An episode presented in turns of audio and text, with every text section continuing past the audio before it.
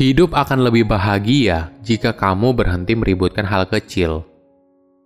Halo semuanya, nama saya Michael. Selamat datang di channel saya, Sikutu Buku. Kali ini saya akan bahas buku Don't Sweat the Small Stuff karya Richard Carlson. Sebelum kita mulai, buat kalian yang mau support channel ini agar terus berkarya, caranya gampang banget.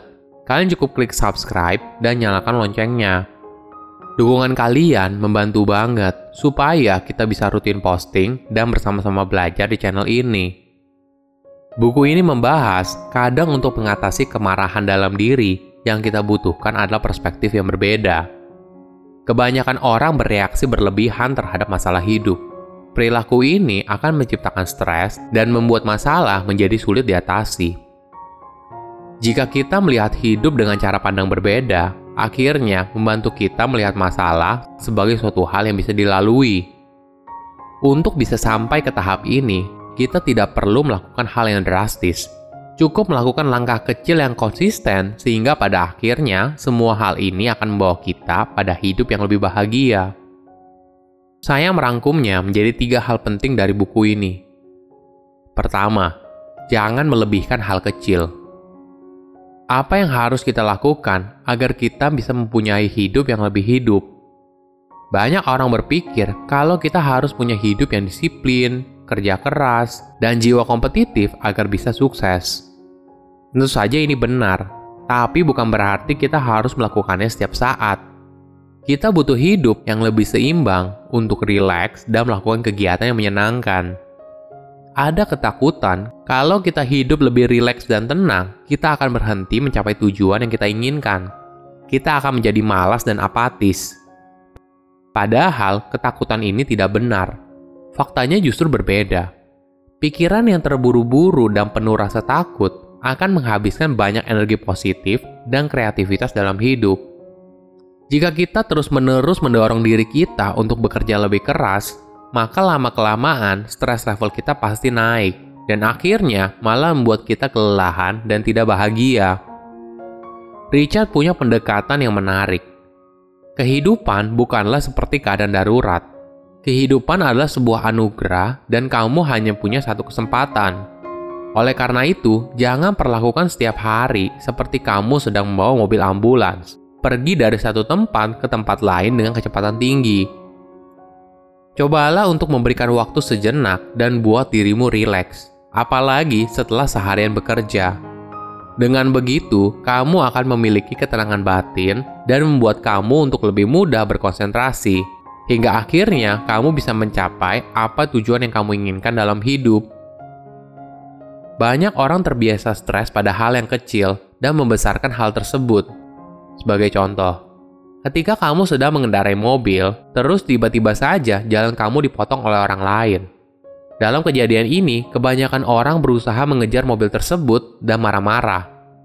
Kita membenarkan perilaku itu daripada berusaha untuk move on dari kejadian tersebut. Parahnya lagi, kemarahan itu kadang kita bawa seharian dan kita menceritakan kejadian itu kepada orang lain. Richard mengatakan, jika kita berada dalam kejadian itu, Daripada kita marah, bagaimana kalau kita melihatnya dari perspektif yang berbeda? Kita tidak berasumsi kalau orang asing itu merupakan orang yang arogan. Tapi, mungkin saja orang itu sedang buru-buru karena ada hal yang mendesak. Dengan perspektif ini, pikiran kamu akan menjadi damai dan kamu bisa menghabiskan hari kamu dengan lebih bahagia. Kedua, ego sebagai perusak hubungan. Setiap orang pasti punya ego dalam dirinya. Mereka ingin terlihat penting dan terlihat lebih baik. Cara pandang seperti ini bisa merusak hubungan antar manusia. Tentu saja, secara alamiah kita ingin punya panggung sendiri. Kita ingin berbicara apa yang ada di dalam pikiran kita dan membuat orang lain terkesan. Sayangnya, keinginan untuk selalu benar bisa melukai perasaan orang lain. Apalagi kalau ada orang yang tidak sepaham dengan kita dan merasa apa yang kita sampaikan tidak benar. Selain itu, kita juga sering merasa kesal terhadap hal kecil yang orang lain katakan atau lakukan. Ketika kita membiarkan hal itu terjadi, artinya kita sedang mengubah hal kecil menjadi hal besar. Richard mengatakan, kita melakukan hal itu karena kita cenderung melihat kalau minta maaf adalah untuk orang yang lemah, dan kita perlu menunjukkan siapa orang yang lebih kuat. Bahkan, kita bisa memutuskan hubungan dengan orang yang dicintai, cuma berharap orang tersebut akan minta maaf dan kita menang. Tapi, bagaimana kalau orang yang bertengkar dengan kita juga memiliki pemikiran yang sama? Apakah perilaku kita seperti ini malah berdampak buruk? Bagaimana kalau kita melihatnya dari sudut pandang yang berbeda? Kita bisa menghindarinya dengan melepaskan keinginan untuk selalu benar dan fokus pada kebahagiaan. Hal lain yang berkaitan dengan ego adalah kecenderungan untuk memotong pembicaraan orang lain atau tidak bisa mendengar apa yang mereka katakan. Kecenderungan ini sering kita temui di kondisi orang yang sibuk. Mereka ingin agar orang lain berbicara atau berpikir lebih cepat Alasannya sederhana, waktu mereka terbatas dan mereka tidak suka pembicaraan yang bertele-tele. Tapi perilaku mereka malah membuat lawan bicara jadi gugup dan kesal. Kebiasaan buruk ini sering kali menjadi alasan pertengkaran, karena orang lain kesal ketika kamu tidak mendengar apa yang mereka sampaikan, begitu juga sebaliknya. Richard menyarankan, kita harus belajar untuk sabar dan menunggu orang lain untuk menyelesaikan apa yang ingin dia sampaikan. Dengan begitu, lawan bicara kita akan merasa lebih tenang dan nyaman ketika berbicara dengan kita. Hal ini memang tidak mudah dan butuh latihan, tapi pasti akan meningkatkan hubungan kamu dengan orang lain. Ketiga, bersikap baik kepada orang lain. Apakah kamu pernah merasa dalam satu hari kok kayaknya banyak orang yang bikin kamu kesal? Misalnya, suatu pagi ketika kamu jalan, terus orang lain nabrak kamu tanpa bilang minta maaf. Kemudian, pas siang hari, ketika kamu lagi ngantri beli makan siang, ada orang yang motong antrian kamu. Terus, ketika malam hari, kamu belanja bulanan di supermarket, tapi kasirnya lama banget ngelayanin konsumen. Wajar saja kalau di posisi itu, kamu rasanya ingin marah dengan semua orang. Tapi, coba kamu lihat dari perspektif yang berbeda Coba kamu melihatnya dari sudut pandang masing-masing orang tersebut. Misalnya, pas di pagi hari, orang yang nabrak kamu tanpa minta maaf karena dia sudah terlambat, dan kalau telat, dia dipotong gajinya sama bos tempat dia bekerja. Kemudian pas di siang hari, mungkin orang itu nggak sadar kalau kamu sedang ngantri, karena saat itu kamu sibuk lihat HP. Ketiga, pas di malam hari, Mungkin kasirnya sudah capek seharian bekerja dan habis diomelin oleh bosnya, makanya dia kerja sambil mikirin hal itu.